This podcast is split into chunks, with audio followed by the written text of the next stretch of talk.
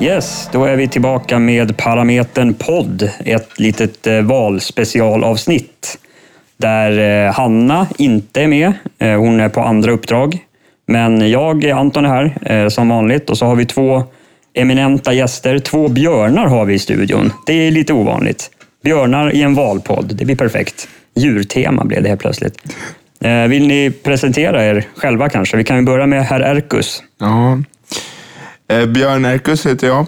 Eh, de flesta som hör det här kanske känner igen mig från att jag har varit ledamot i eh, Unga rörelsen i Stockholms styrelse under några år. Och eh, numera så eh, är jag inte kvar där utan jag, är, jag har eh, pluggat. Eh, jag har läst en masterexamen i statsvetenskap med inriktning mot offentlig förvaltning som blev klar bara för några veckor sedan. Eh, och, eh, numera är jag också lite partipolitiskt aktiv. Yes, och det är därför du är här som någon sorts eh, sakkunnig expert på något vis. Ja, någonting kanske Någonting jag ska kunna bidra med i alla fall.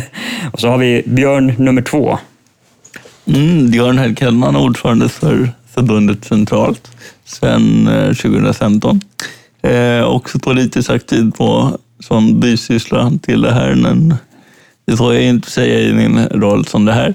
Eh, är väl här så också analysera lite vad vi kan förvänta oss efter valet och eh, har tidigare pluggat statsvetenskap, men jag har inte någon examen eller något sånt där. Men är allmän humanist brukar jag kalla mig. Så det, jag har studerat allting inom det, men inte kommit någon vart. Okej, Tidigare jobbat politiskt också, ska jag säga, inom kommunen här i Stockholm.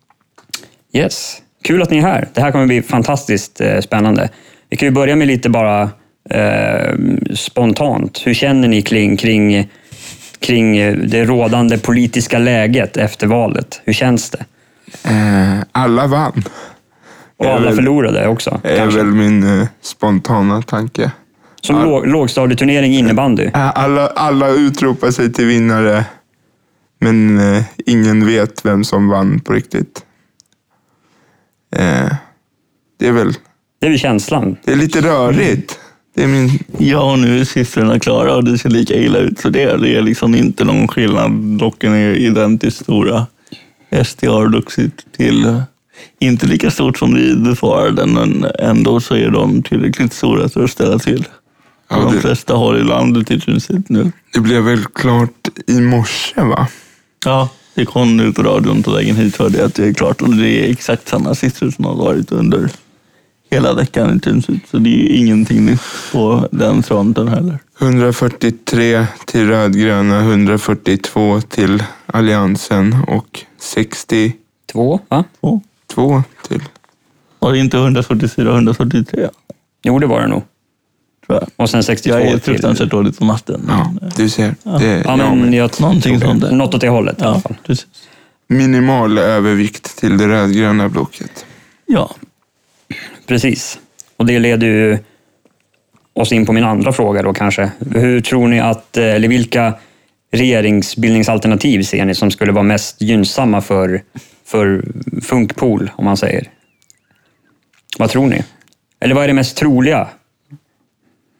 Alltså, Det är också oklart. det, det är oerhört oklart hur vi ska, hur vi ska tolka valresultatet och vilken regering vi kan tänkas få. Därför att vi kan ju få antingen en S-ledd koalitionsregering eller en M-ledd koalitionsregering.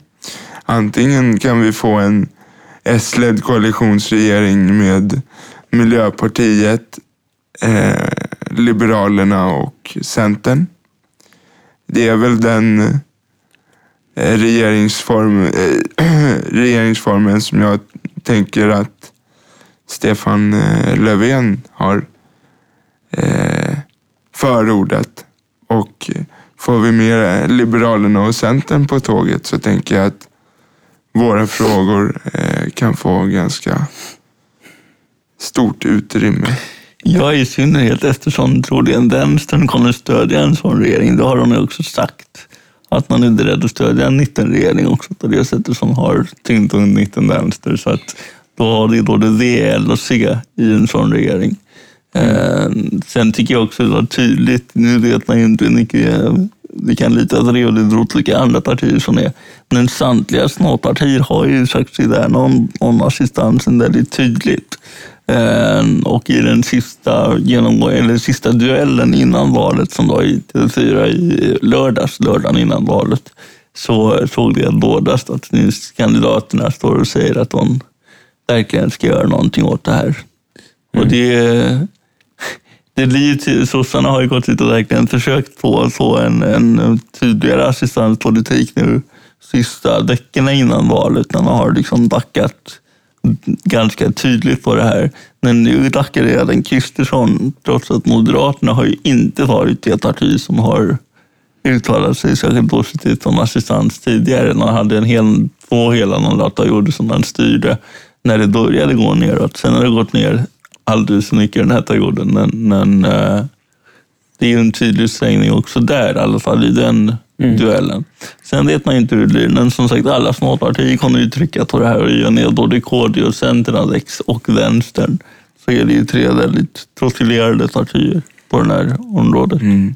Det jag tror har varit eh, assistansens problem, eller det som har varit problemet med assistansen, det är att frågan har varit passivt förvaltad under eh, under eh, först den borgerliga alliansens åtta år eh, och nu också under de nuvarande fyra åren så har man väl egentligen fram tills för ett par år sedan var, eh, eh, varit ganska passiva i hur man har hanterat funkpolfrågor och eh, eh, assistansfrågan.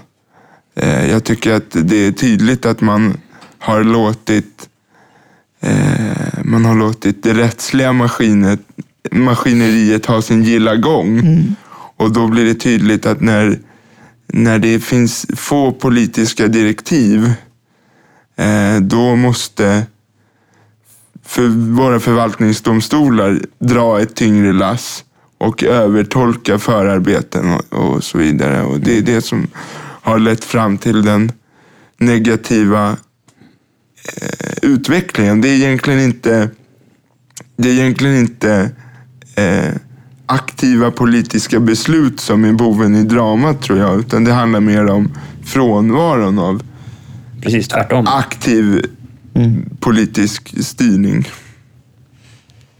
Mm. Eh, och det, det är väl det som jag hoppas på framöver. Att man, att man eh, tar tag i från politikens sida. Eh, LSS och funktionshinderpolitiken och eh, sätter sig i förarsätet så att eh, våra förvaltningsmyndigheter får en tydligare och mer mm. aktivt förvaltad styrning om vi nu ska prata förvaltningstermer. Precis. Är det troligt att det blir så, undrar jag? Eh, det är alltid en moderat eller en sosse nu för tiden som sitter på ekonomi eh, eller finansministerposten. De håller ganska hårt i pengarna. Det känns ju som det är där som problemet har legat. Mm, jag tror att eh, den här knepiga regeringsbildningsprocessen som vi har framför oss riskerar att göra att våra frågor hamnar helt i skymundan. Mm. Eh, så att där har vi i rörelsen ett ansvar att fortsätta debatten och att lyfta alla möjliga aspekter av frågan tror jag. Mm.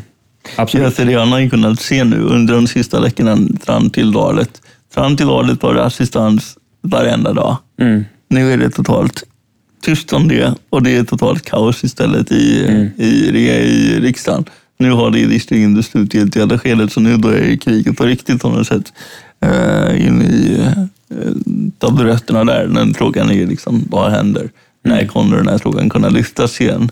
Uh, kommer de personer, framförallt från Liberalerna som har lyft det här, kommer de kunna lyfta det här i förhandlingar? De leder efter de minsta partierna plötsligt nu Mm. KD fokuserar på väldigt mycket annat som är ett sånt parti. Vänstern lämnas oftast utanför.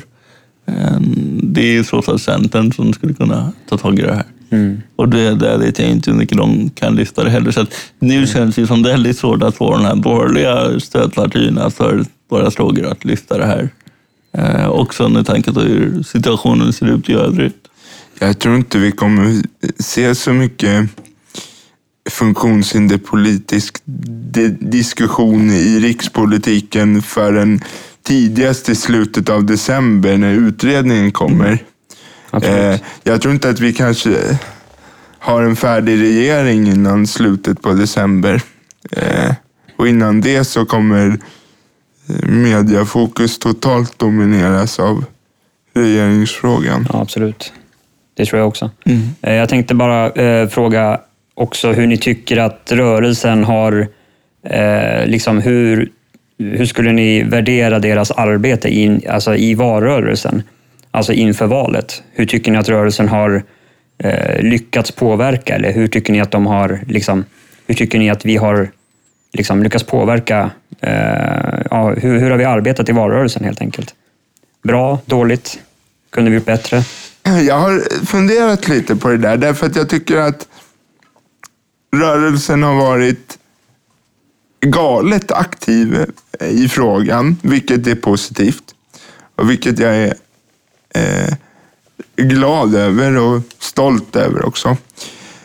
Däremot så tycker jag att eh, bilden av våra frågor har blivit lite ensidig när man pratar om eh, när man, dels när man pratar om bara assistans. De andra insatserna i LSS försvinner helt och hållet.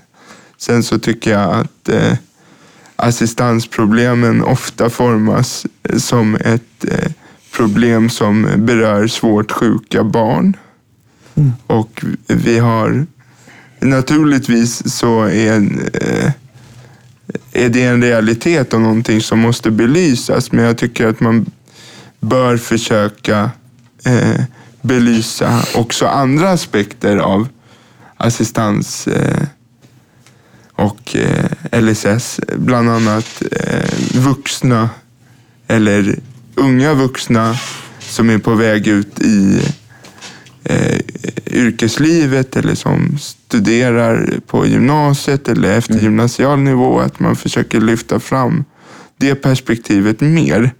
Eh, för det tycker jag nästan har kommit bort helt i diskussionen. Också det här föräldraperspektivet, att vi har att det är många funkisar som är föräldrar och förväntas ta ett föräldraansvar och ta hand om sina barn. Men det blir inte så lätt när man inte har... Alltså, det tycker jag har kommit bort lite i, i diskussionen och där tycker jag att rörelsen har anledning att vara lite självkritiska faktiskt. Mm.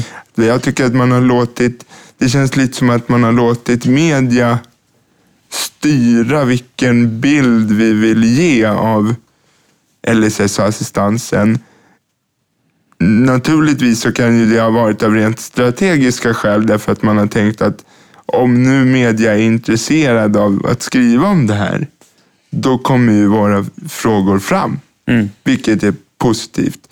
Men då har man låtit dem styra vilken diskussion och vilken mediebild som ska få komma fram. Jag tycker att rörelsen hade behövt vara lite mer aktivt eh, ja, och försökt styra eh, mediebilden lite mer aktivt.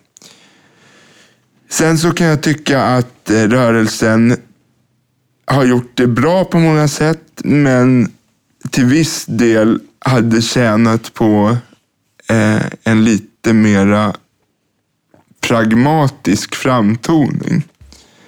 Eh, med risk för att svära i kyrkan så tycker jag att eh, positionerna också i rörelsen har blivit lite låsta. Där man har sagt eh, bevara assistansen så som den är idag. Eh, för att allt annat är på något sätt negativt. Jag tycker att man hade, man hade liksom, vi brukar i statsvetenskapen tala om möjlighetsfönster. Och här och i ett, i ett sånt möjlighetsfönster, där har man liksom möjlighet att aktivt påverka beslutsfattare och så. Och jag tycker att man har till viss del utnyttjat sitt möjlighetsfönster. Framförallt så tycker jag att förbundet Unga rörelsehindrade har gjort det på ett bra sätt. Men, men i övrigt så tycker jag att generellt så har funktionshinderrörelsen låst sig lite vid att eh, att assistansen måste bevaras. Man har nästan blivit konservativ i den meningen att man vill bevara allting som det har varit och eh, inte kanske tagit tillfället i akt att så här, ja, det, vi måste värna assistansen för att den betyder mycket och vi kan inte eh, vi kan inte ha den situationen vi har idag, men att ändå så här, på ett pragmatiskt sätt diskutera förändringar i lagstiftningen och med, med utgångspunkt i att lagstiftningen faktiskt kommer behöva förändras. Mm. Där hade rörelsen tjänat på, tror jag, att vara lite mera pragmatisk och aktiv och diskutera förändringsförslag istället för att bara eh, fokusera på att på, eh, med näbbar och klor slåss för att eh, det ska vara som det har varit. Även fast jag förstår att det naturligtvis är viktigt.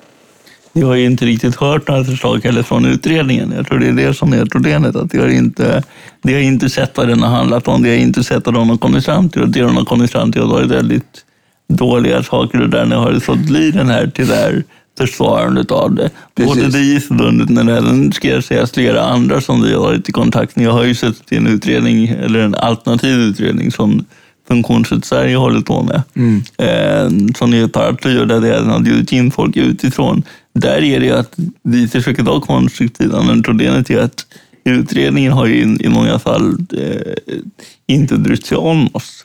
Alltså den person som från Funktionsrätt Sverige är, sitter i den här de har något rådgivande grupp, rådgivande organ till den här utredningen. De har ju inte fått någon information inför möten.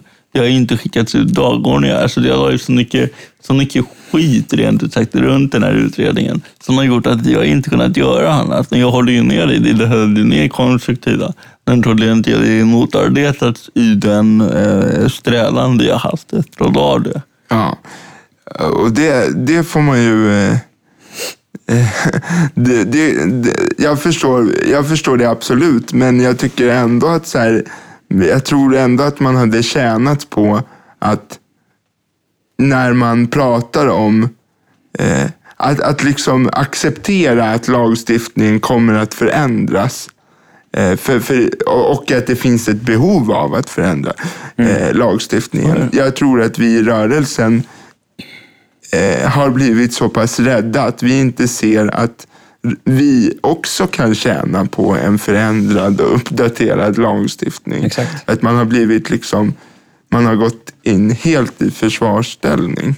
Och eh, diskussionerna också inifrån rörelsen har inte alltid varit särskilt nyanserade. Nej. Eh, kan, kan jag tycka. Man ser förändring bara som någonting som kommer bli sämre. Det kan ju faktiskt förändras till att det blir bättre också. Ja. Sen får vi inte glömma att när utredningen kommer så är det långt kvar tills det är ett lagförslag på plats. Mm. Det tycks mig ibland som att den allmänna uppfattningen i funktionshinderrörelsen är att så fort utredningen kommer så kommer allting antingen ha löst sig till det bättre eller har blivit total katastrof och då är allting färdigt. Men vi ska komma ihåg att när utredningen kommer, då är det en lång bit kvar i lagstiftningsprocessen. Det, hela utredningen kommer att gå ut... Först så är funktionshinderrörelsen med och på, påverkar utredningen och nu har vi hört Björn säga att det inte eh, att funktionshinderrörelsen inte har getts så goda möjligheter till det. Men sen så kommer ju lag, eh, ett eventuellt lagförslag kommer ju både behöva gå igenom lagråd men också eh, gå ut på remiss mm. till, till berörda aktörer. Och det är där som jag tror att funktionshinderrörelsen måste flytta fokus nu. Vi, I det här läget så tror jag inte att vi kommer kunna eh, påver påverka utredningen så mycket mer än vad vi gör. Vi ska inte sluta påverka utredningen, men utredningen kommer att ha sin gilla gång. Vi måste acceptera att utredningens resultat är på, no på inget sätt definitivt eller någonting Nej, som kommer att innebära eh, förändring. Vi måste förstå att efter utredningen och efter att vi har utredningen på bordet, då kan vi i remissrunda och remissyttranden och där hoppas jag att förbundet tar en aktiv del och skriver ett eh, långt och kärnfullt remissyttrande. För jag antar att man kommer vara en remissinstans. Eh, och att vi där kan, eh, måste lägga vårt fokus nu.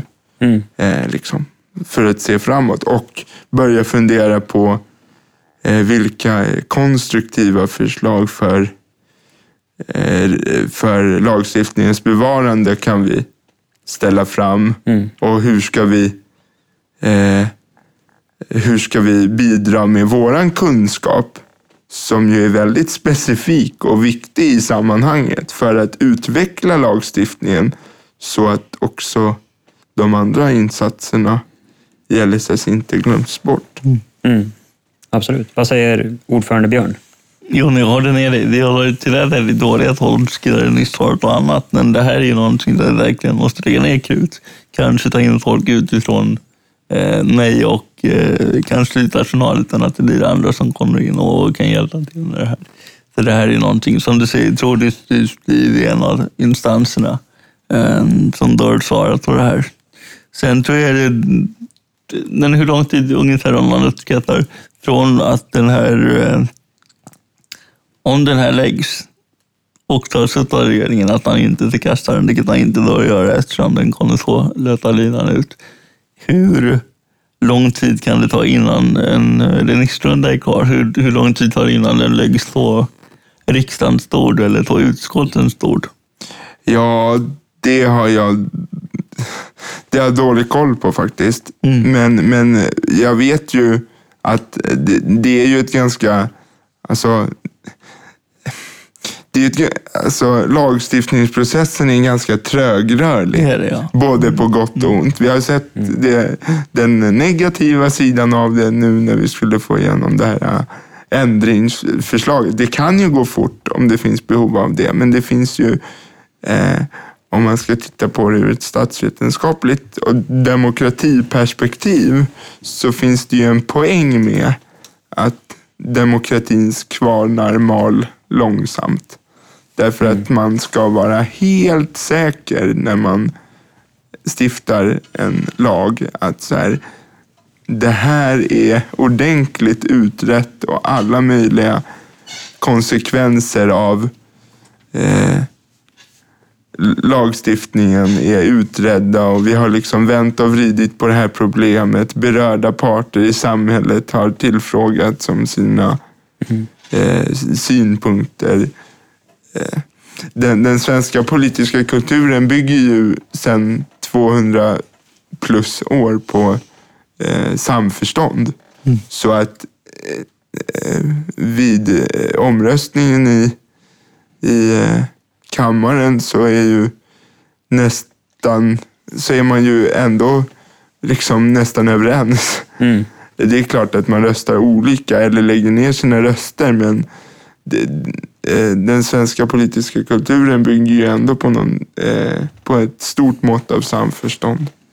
Absolut. Och det är därför det går så långsamt också. Mm. Absolut. Men det är därför som jag, återigen, det är därför som jag tycker att det är viktigt att vi förstår att tiden fram till utredningen är bara en del.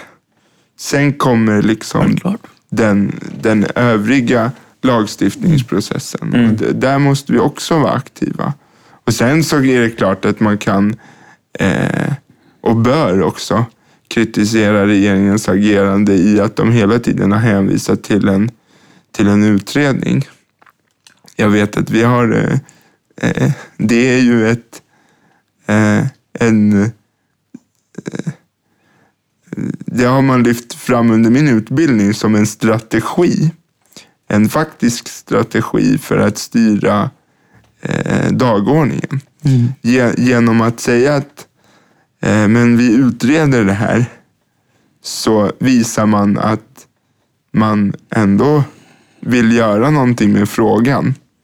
Men man vill lyfta bort den från dagordningen. Så genom att säga att vi ska utreda det här och innan vi har en utredning på plats kan vi inte uttala oss. Så, så, det här är inget nytt heller. nej. Det här har ju alltid varit det. Vi tillsätter en utredning. Det är standardsvaret A1 från politiker i Sverige och har alltid varit på något sätt. Så fort det är någonting som är jobbigt, då lägger man undan det i en utredning. Och det är lite så det här har hänt också. Sen har ju direktiven ändrats, vilket var positivt. Men, men eh, tror, du att det, tror du att det kommer sen när det väl är om något år, när remissrundor har gått runt och allting sånt där. Eh, hur mycket kan det dra till vilken regering det är som sitter, vad som händer när den här utredningen. Samtidigt som man också säger att riksdagen troligen kommer få mer makt under den här perioden eftersom det kommer bli en väldigt svag regering troligen. Alltså, jag tror ju att...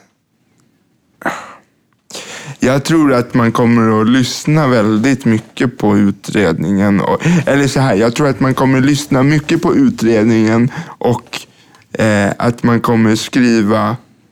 Jag är, ändå förhoppningsfull över att man kommer att skriva lagstiftningen med eh, remissyttrandena i, i beaktande. På, på ett, eh, till en stor del i det här fallet eftersom funktionshinderpolitiken är så pass... Eh, den påverkar en specifik grupp så direkt att man... Och det finns... Eh, den funktionshinderpolitiska kompetensen finns ju inte i riksdagen utan den finns ju hos oss här ute. Så att jag hoppas verkligen, och det kan man ju, om man får göra ett medskick till våra folkvalda, så hoppas jag att de förstår att det är här ute kompetensen finns och det är oss ni ska lyssna på. Mm. Eh, och då så tror jag att det inte spelar så stor, om jag nu bara ska komma till det som var din fråga, så tror jag att det inte spelar så stor roll eh, vilken typ av regering vi ser i slutändan egentligen. Därför att jag tror att man kommer att inse att eh, kompetensen kring frågorna finns i, rörelsen. Så att vi måste lyssna eh, mycket på det som expertisen och rörelsen har kommit fram till. Både i utredning och remissrunda. Liksom. Absolut, och det tror jag också att man kommer göra på något sätt. Nu, den, den här frågan är för stark för att hålla emot. Oavsett om det skulle bli en eh, höger eller vänster eller mittenregering. Men vad jag undrar ner är också lite grann, eller som jag har funderat på, är ju också det finansiella läget. Att där är det, ju, det är ju där det, eh, det kommer till kritan. Fina ord spelar egentligen ingen roll. Det är ju den finansiella biten och hur man väljer att, att liksom eh, finansiera hela det här. Det är ju där som är kärnan egentligen. Och det är ju där som det har varit problem under den här. Eh, intentionerna har ökat i och med att det bytte minister. Eh, och har varit det egentligen innan också. Jag tror eh, att många tidigare ministrar på posten också har egentligen vurmat för det här. Men det har alltid kommit till kritan med att det hamnar hos finansen och att det är där som det egentligen tar stopp. Så att vårt intresse måste alltid ställas mot andra och så är det ju. Eh, men- men just det där som du säger, det här drar, det här drar en statistikgrupp. Ja, så är det på ett sätt. Men jag tycker samtidigt att det här drar ju alla på ett helt annat sätt än vad både invandring och annat gör egentligen. För det här kan drabba alla, precis som att alla blir äldre. Mm. Därför så tycker jag att den eh, retoriken som har funnits från partierna i valrörelsen eh, har från vissa håll eh, blivit lite populistisk kan jag uppleva. Och jag hoppas... Så här, jag välkomnar ju att Liberalerna eh, lägg- la så stort fokus i sin valrörelse på våra frågor. Och det, det visar ju bara att rörelsen har haft genomslagskraft genom att vi har gjort vår funktionshinderpolitik blev ju i valrörelsen 2018 verkligen en, en het potatis. Det blev ju en valfråga och där ska vi ju klappa oss själva på axeln och vara stolta. Men jag tycker att när man hör eh, när man hör eh, partiernas förslag, eller egentligen så är det väl mest brist på förslag, eh, så, så tycker jag att det till viss del kan bli lite populistiskt. Jag förstår att det var många som tilltalades av Liberalernas tal om att assistansen är viktig och assistansen ska få kosta pengar. Men jag blir lite, bekym jag blir lite bekymrad när man från Liberalernas sida pratar om hur mycket man lägger på assistansen ekonomiskt i absoluta tal. Därför att då försvinner ju lite, då blir jag lite så här, okej om de säger att vi ska lägga 6 miljarder på assistans, men sen då? Alltså det är ju behjärtansvärt att de lägger 6 miljarder på assistansen, men det hade varit, eh, det är ju ett mer realistiskt svar och det, det säger en del, eh, säger mer om om man faktiskt värnar om assistansen. Om man hade sagt så här, assistansen är en viktig fråga som vi kommer att slåss för i budget förhandlingar och assistansen kommer att kosta pengar och ska få kosta pengar. Jag tycker det blir lite, lite väl populistiskt att tala om kronor och ören i absoluta tal. Ja, eftersom vi dessutom vet att det här skiftar hela tiden. Eh, och det har bara dragits om ekonomiska förslag egentligen. nu, som du säger, L är de som har lagt fram det tidigast när det här argumentet att vi lägger si och så många miljarder extra än vad andra gör. det lägger mest. Men några konkreta förslag på hur, hur reformen ska utvecklas eller förvaltas, det finns ju inte någon som egentligen har, har givit, eh, som jag upplever det. Där- Därför så är jag lite rädd för att eh, de i rörelsen som nu har satt sin tilltro till eh, Liberalerna i den här frågan riskerar att bli lite blåsta på konfekten. Eh, risken är väl, eller det som är, är väl att vi vet ju inte ens vad som finns i godisskålen så att säga. Nej, och där, och där kan man ju också se det är intressant, som jag tycker det har intressant om man gör någon slags snabb överblick över hur stödet har sett ut eh, bland företrädare för rörelsen. Så ser man att bland våra unga eh, medlemmar och liksom vår del av rörelsen så är det väldigt mycket vänsterpartister och eh, ja, framförallt Vänsterpartiet. Medan det är mycket av de här som har varit nedtag, medelålders, framförallt kvinnor på något sätt. Det är de som har liksom ihärdigt tyckt att Liberalerna är det enda alternativet. Så det är verkligen, det är som det är två grupper nästan i, i rörelsen mellan de här två delarna. Tidigare var det S och eh, Folkpartiet och nu är det Vänstern och Liberalerna som har de här liksom, eh, positionerna inom det där. Medan då C och KD har känt att de har fått någon slags position mellan oss och som ändå blir, eh, eller mellan de två partierna och som ändå blir eh, någon form av, nu tycker vi också så här.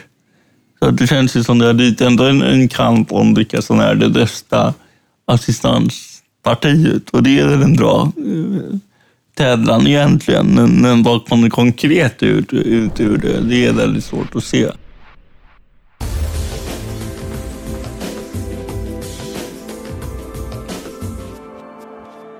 Sen eh, en liten annan spaning som jag har gjort som jag tycker är viktig och som jag tycker att man bör, eh, eh, bör lyfta fram. Det är ju att jag tycker att i den här valrörelsen så ser vi fler och fler funkisar på våra list, alltså på partiernas listor.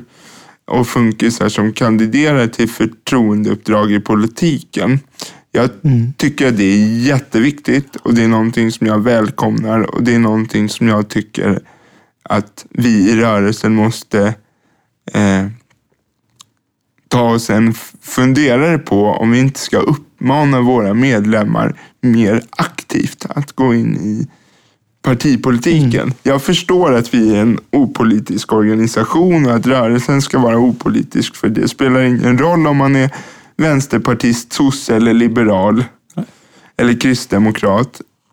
Vi, eh, när vi samlas i det här forumet så värnar vi våra frågor. Mm. Men tycker också att det är viktigt att fler av våra våra medlemmar vågar gå ut och mm. engagera sig politiskt.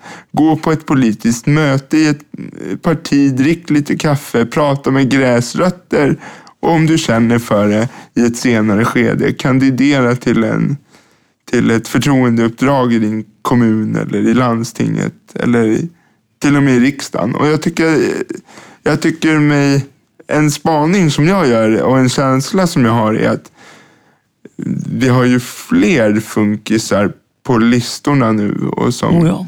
tar plats i våra mm, demokratiska mm. församlingar. Det är oerhört viktigt. Oavsett om man väljer att fortsätta sitt engagemang i funkisrörelsen parallellt mm. eh, eller om man väljer att bli helt partipolitisk. Sen så tror jag inte heller att det finns någon motsättning i att engagera sig partipolitiskt och att ha kvar sitt engagemang i, eh, i eh, funkisrörelsen. Jag tror snarare att, att det, det gör funkisrörelsen mer vital. Och det är vårt förbund också en, en, ett tydligt exempel på det, där vi har ganska många, även ganska högt autoriserade styrelser som faktiskt är eh, engagerade även partipolitiskt på olika håll. Mm. kandiderar till olika saker, en del av dem, men, men att många av oss har ett, ett engagemang vid sidan om. Och, eh, det här gör ju också att vi kan få in frågan i partierna, precis som tidigare har gjorts av kvinnorörelsen, hbtq-rörelsen. Eh, idag så är det nästan självklart att en stor andel ska ha en, någon form av invandrarbakgrund, eh, också som väljs in. Och att en sexuell läggning har ingenting med saken att göra heller idag. Mm. Utan att det är naturligt att vi har den mixen. Men fortfarande så ser vi väldigt få som sitter i rullstol eller eh, är synskadade eller blinda eller behöver tolk eller liknande i, i, i maktens korridorer. Och det där gör att, som du säger, jag tycker absolut du har rätt. Vi måste få fler av oss att faktiskt gå in och engagera oss även partipolitiskt. Det är där som vi gör mycket för att lobba från vårt håll, men vi måste också in i de, i de miljöerna för att kunna påverka eh, på riktigt de beslut som tas. Också för att eh, rörelsen måste förstå att eh, rörelsen och, och partipolitiken från båda håll måste förstå att funktionshinderpolitik inte är ett politikområde. Man pratar ofta om att funktionshinderpolitik inte är ett politikområde utan måste genomsyra alla mm. politikområden. Men sen så slutar det med att man gör en funktionshinderpolitisk handlingsplan i en kommun eller så gör man, eh, så gör man en sån här funktionshinderpolitisk eh, handlingsprogram i riksdagen och så, så tycker man att man har liksom bockat av frågan. Mm. Men funktionshinderpolitiken måste ju genomsyra alla politikområden mm. på alla mm. nivåer, mm. alltid.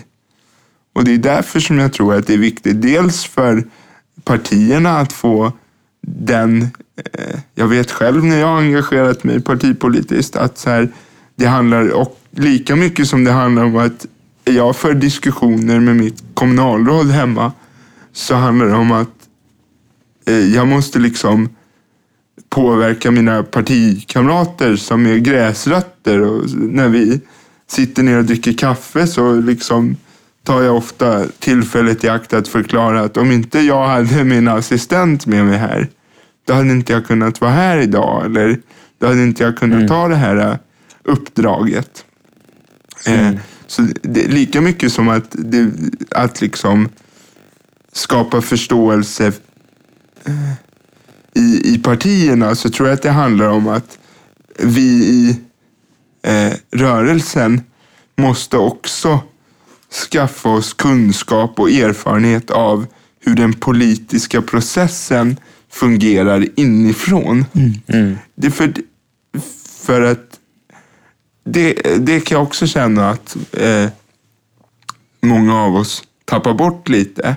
Att man tänker att så här, ja men vi gör en demonstration eller vi delar flygblad eller vi, vi eh, inte vet jag, ockuperar en buss. Eller, ja, det är naturligtvis jättebra för att lyfta frågan i samhället.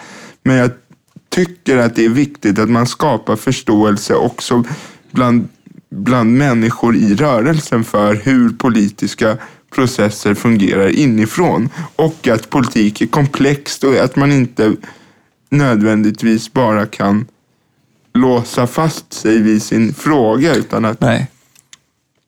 att, och säga så här, men jag ska driva funktionsin, jag ska driva funkisfrågor. Eh, nej, då kanske man får säga så här, ja men sitter jag i barn och ungdomsnämnden, då har jag ansvar för grundskolan. Då får jag driva tillgänglighetsfrågor i, våra skolmiljöer. Sitter, jag, sitter jag i miljönämnden, ja men då får jag driva, hur ska vår gatubild se ut? ur ett funkisperspektiv. Men jag får likväl vara med och fatta beslut om hur ska skolmaten vara och så vidare. För att jag tror att det är viktigt att man från rörelsens sida får ett ödmjukt förhållningssätt till politiken och politikens processer. Absolut. Och det är den här grejen jag har suttit i, eh, jag har ju suttit i regeringens eh, funktionshinderdelegation. Och man märker två saker. Dels, jag och Nora Eklöf som är vår generalsekreterare, vi har ju suttit där som jag som ombud och hon som, som tjänsteman då för eh, vårt nätverk eh, som vi har med andra ungdomsförbund inom funktionshinderrörelsen. De, man märker att de har en de talar med oss på ett annat sätt än vad man gör med de andra som inte har den politiska bakgrunden. Både Nora och jag har det. Och vi har också en annan förståelse för hur, som du säger, processen går till. Att det är inte bara att gå in och vara förbannad och liksom Ja, tycka att nu, nu, nu, nu, nu ska vi ha det här. Det funkar inte så. Man märker en frustration, framförallt i ungdomsrörelsen, från de som inte har ett politiskt eh, engagemang eller eh, jobb i bakgrunden. Att, och det kan man inte kräva att de har. Men man märker också, både hos oss och hos eh, vuxenorganisationer, att de förstår inte hur det här spelet är. Att det är en helt egen värld. Och där funkisrörelsen inte är liknande den på något sätt i vissa hänseenden. Eh, Nej, så där tror jag också det är också viktigt att få in oss i det här. För att vi måste fatta det från insidan också, hur det ser ut. Mm. För då kan det också förhandla på ett helt annat sätt. Jag tror att vi kan gynnas av det till och med. Absolut. Så vi vet vilka knappar man ska trycka på var, Mm. var det svider som mest. Liksom. Ja. Sen så är det viktigt att poängtera också att det ena inte utesluter det andra. Inte. Självklart så ska vi från rörelsens sida fortsätta synas i civilsamhället och vara en stark kraft i civilsamhället. Men vi måste också bli en mer progressiv och aktiv eh, kraft i, i det politiska systemet. Mm.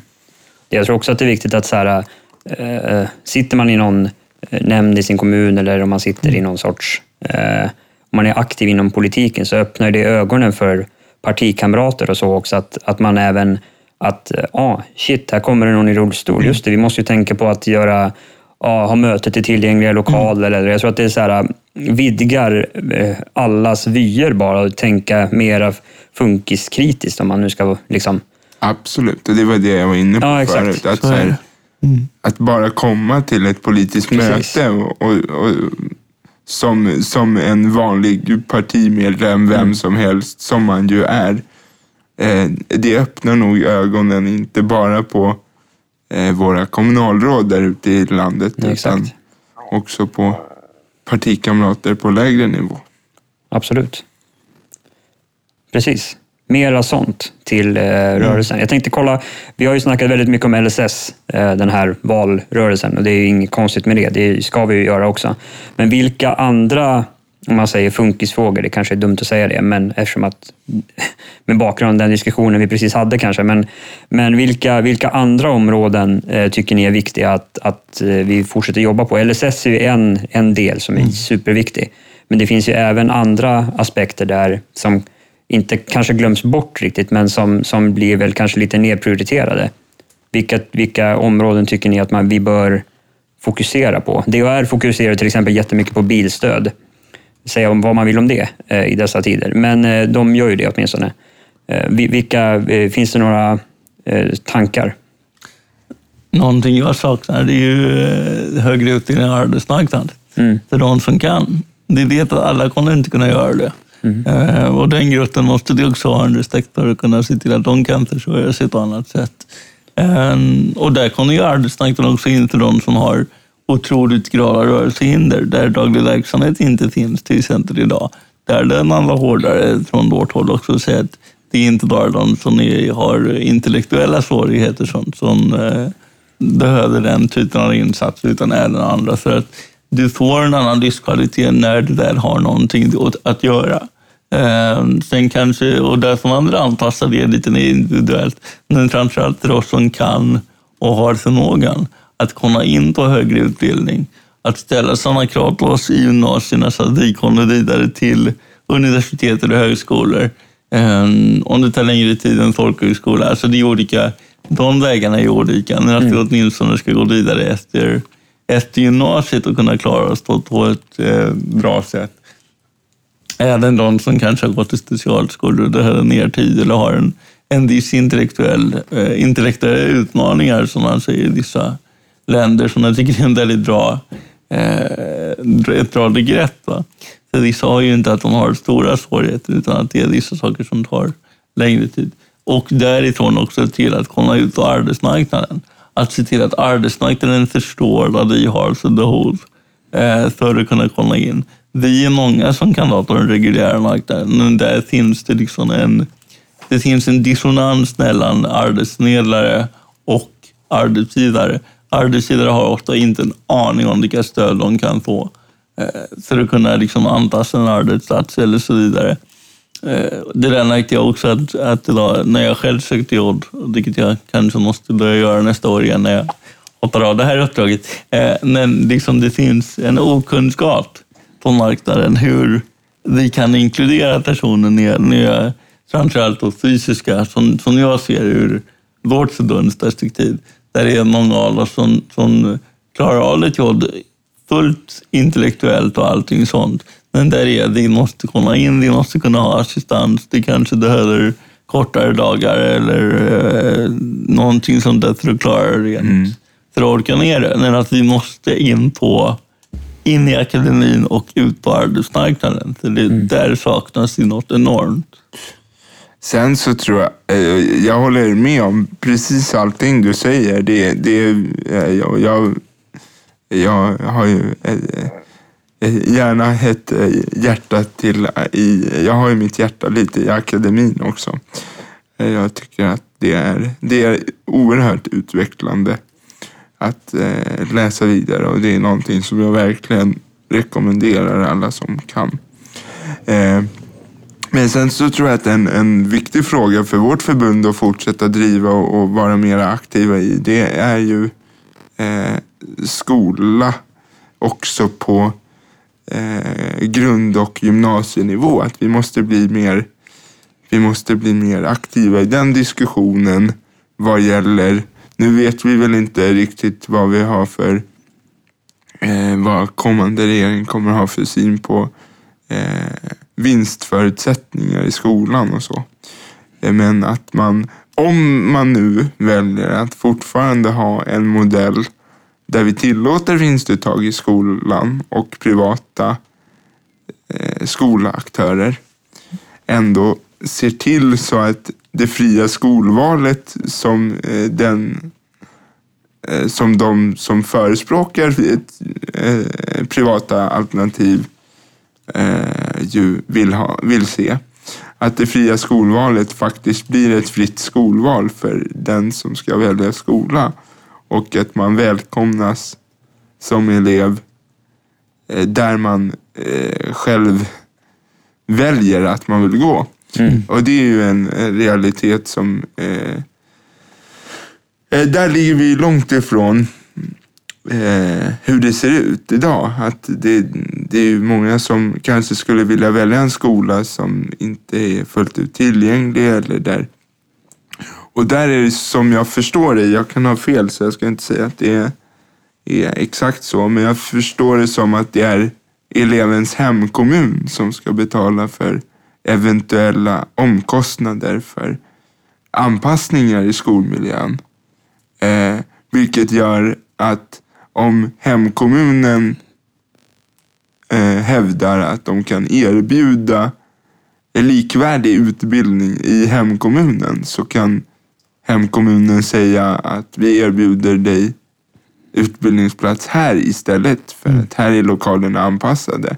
Men då fungerar inte det fria skolvalet som det är tänkt. Nej, precis. Så att lite beroende på vilken väg politiken väljer i den frågan så måste vi eh, vara aktiva eh, framåt också i den frågan. Ja, å andra sidan har jag ju sett också att vissa friskolor har, har eh, nekat personer som behöver eh, anpassningar att komma in. Mm. Och Den där- där lagen har ändrats om jag inte har fel. Så att även de ska ha ett krav på sig att de måste ta in ja, precis. också. Men det var ju väldigt långt det satt inne. Mm, Det, det är väl också en del i hu- hur vi får se hur den här nya diskrimineringen, nya, den är inte så ny längre. Men Nej, det är Hur- tre år nu så det hur, hur, hur, eh, hur, di- på. ja, precis, hur diskrimineringslagen eh, är tillämplig också på skolområdet. Vi har ju sett ett fall där det var en elev, tror jag, i, i Västra Götalands län som f- fick diskrimineringsersättning av sin skola därför att de inte tillräckligt skyndsamt eh, anpassade lokalerna efter hans behov. Det var väl vad jag förstår en kommunal skola. Mm. Eh, men jag är lite intresserad av hur man eh, tillämpar det på eh, en privat skolaktör. Mm. Ja, bra fråga. Så det, det är ju någonting vi måste jobba med framåt. Jag vet ju att vi bara i, här för en månad sedan fick ju ett avgörande. Det, det var väl det första avgörandet egentligen. Eh, Bussfallet. Ja, bussfallet Ja. som DHR drev. Att så här, det är ju ett prejudikat. Ja, och vi, Precis. vilket ju är jättebra för det har ju tydliggjort ansvarsförhållandena i kollektivtrafiken. Mm.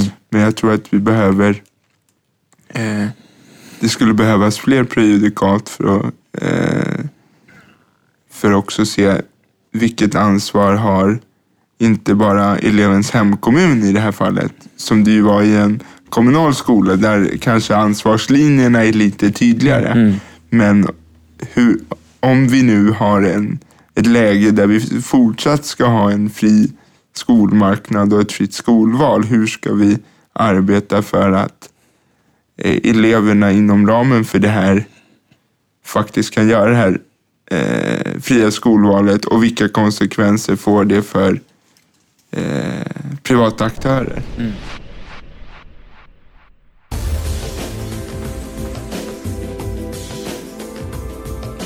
Jag läste någonstans att det var, fanns, eh, eller fanns, det var en som eh, eh, hade anmält, eh, var det Försäkringskassan för diskriminering? Någon synskadad Ja, som fick rätt, va? eller hur? ja. Han vann det, va? Eller? Nej, det var hon. Jag tror det Hon var hon, med. Anna Bergholtz, eller vad hon heter, Aha. som är moderator Okej. lite här och var. Ja. Eh, Hon hade inte kunnat få, hon är blind eh, och hade inte kunnat få material på om det var uppläst eller om det var blindskrift kommer jag inte ihåg.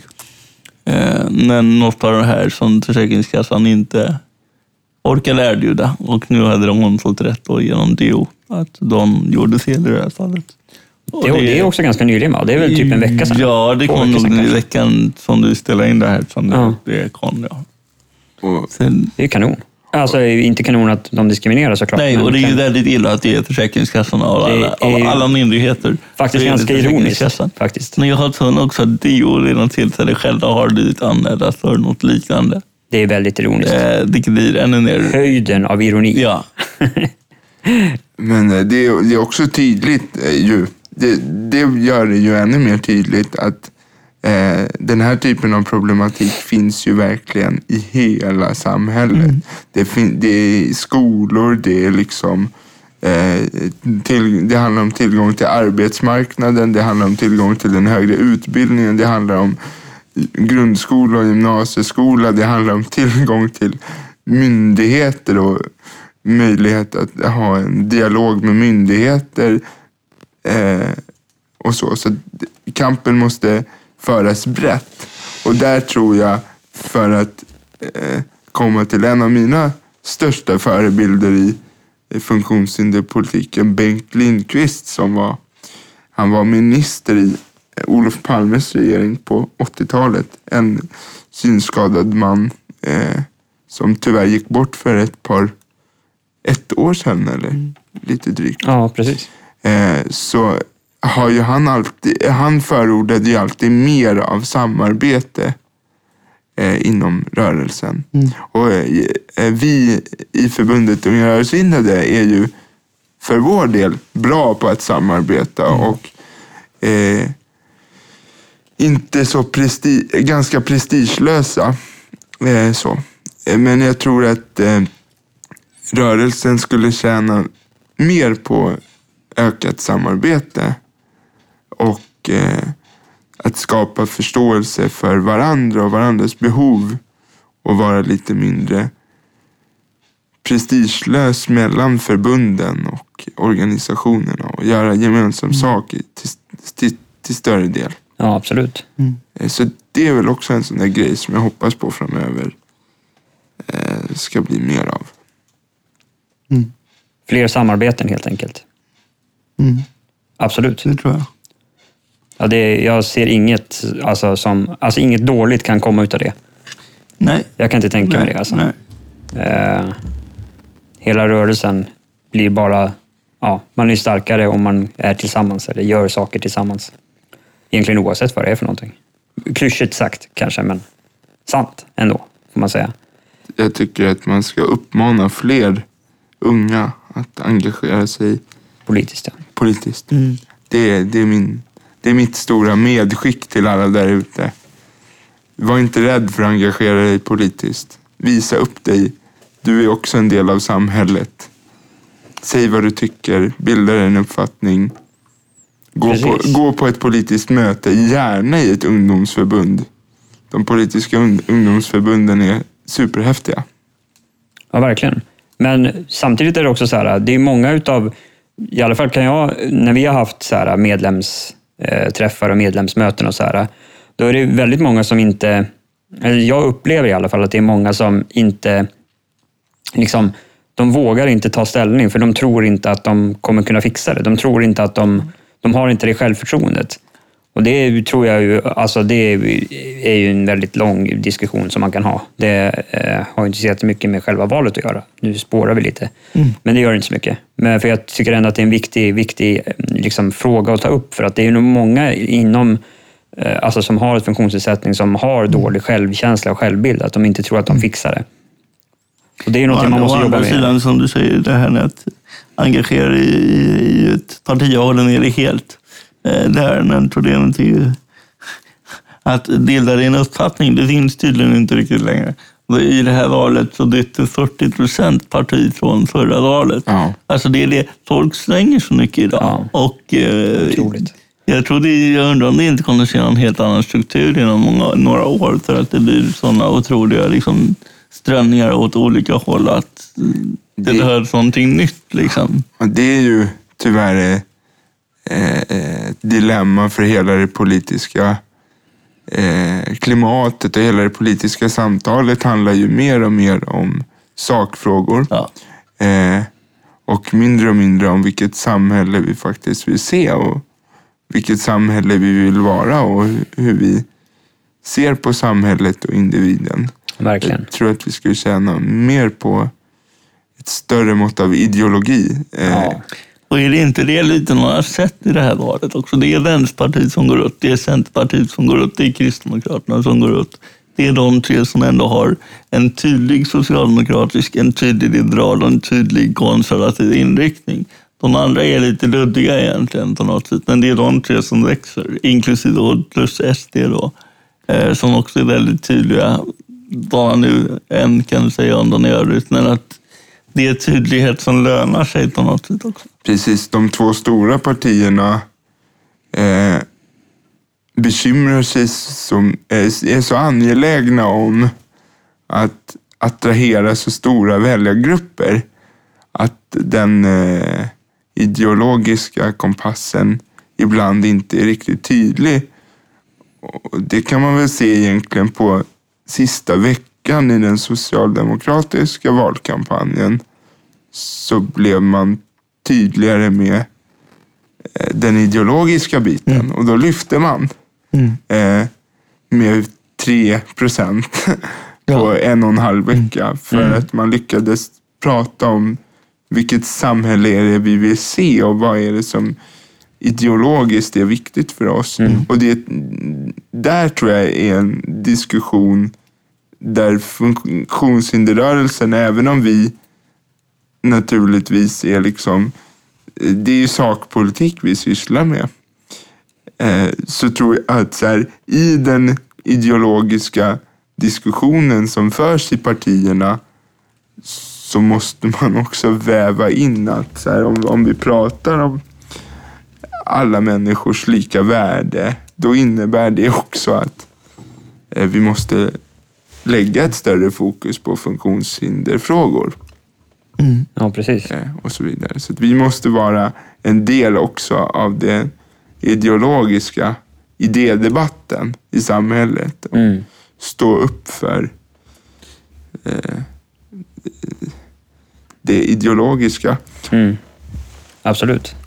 Jag håller med. En annan sak som jag, eh, om jag får göra lite reklam, eller hjälpa Björn att göra lite reklam, så har jag förstått att ni ska ha någon sorts eh, idépolitiskt forum eller någonting sånt. En ideologisk temahelg. Mm, Ja, någon gång när det nu får till det.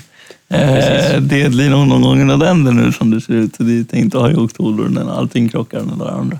Så det är nog lite senare i hösten. Vi kommer att försöka där. Eh, Jag ska också här under oktober ha något slags möte med DHR där vi ska försöka utveckla ideologi, våra ideologiska ståndpunkter eh, kring det här. Och där är det ju både att vi har ju mycket gemensamt med Nordenförbundet, men det är ju också olika på en, på en del håll eh, med vilka frågor de driver. Eh, vi har ju kritiserat dem för att till exempel inte driva assistansen särskilt hårt överhuvudtaget, eh, medan andra frågor liksom har, har tagit över dem. Som du sa, bilstödet har ju varit i fokus snarare ner än vad den frågan som alla andra pratar om eh, har varit. Tillgänglighet eh, är någonting där vi behöver synka oss bättre också, men liksom ta över det här. Men som du säger, ideologin är jätte, jätteviktig. Ja, det, framförallt så tycker jag att det är jättespännande. Så jag tycker verkligen att man ska ta eh, chansen att vara med och diskutera eh, förbundets verksamhet på, på en ideologisk nivå. Mm.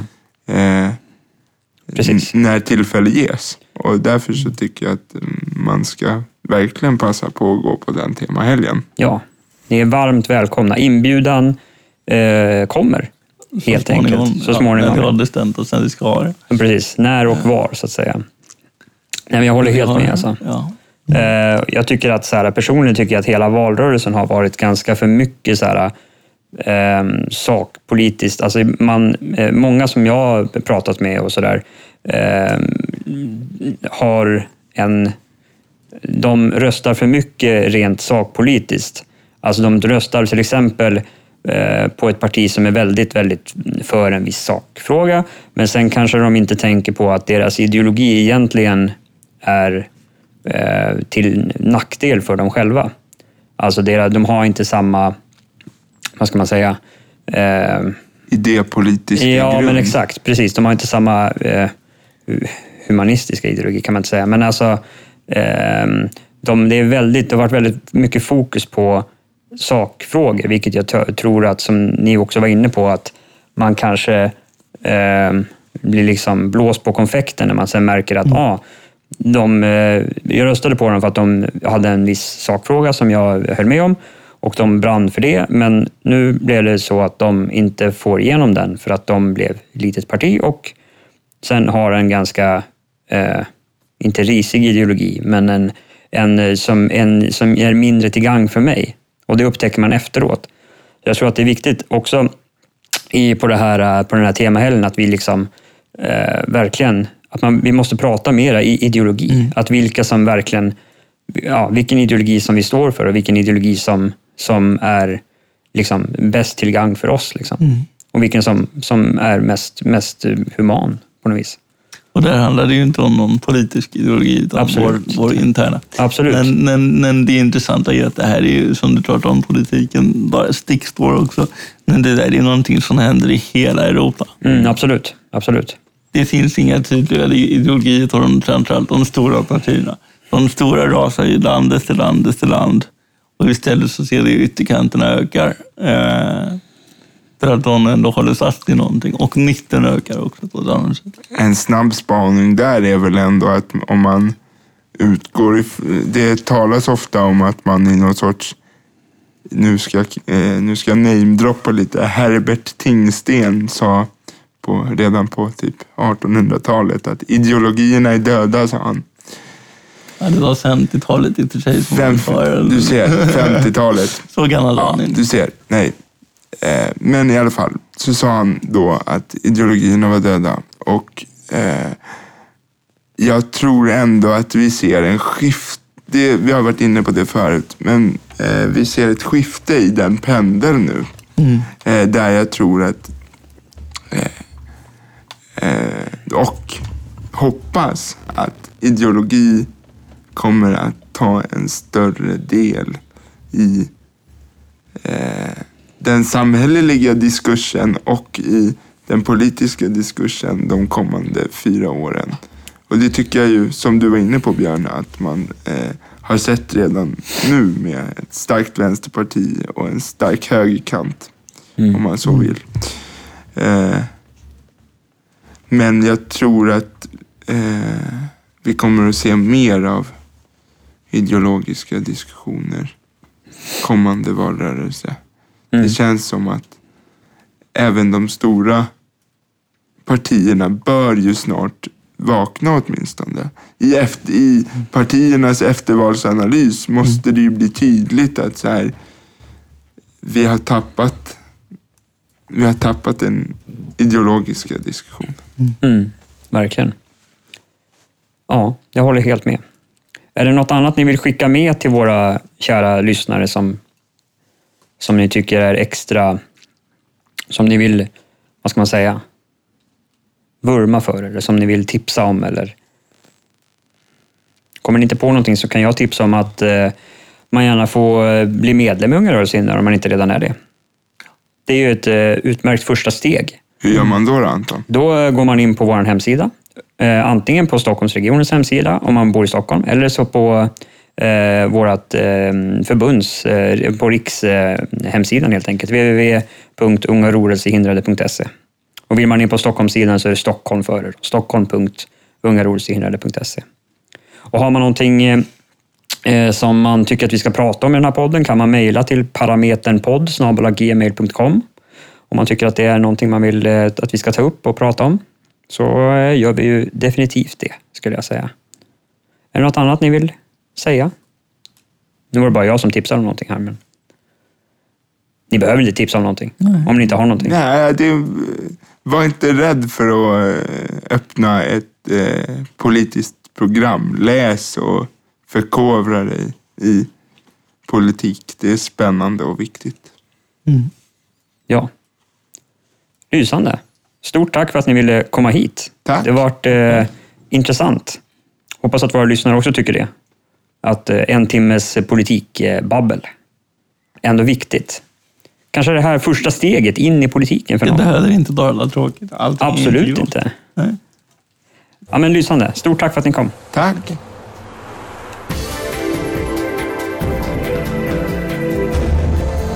Du har lyssnat på Parametern Podd en podcast av Unga rörelsehindrade Stockholm.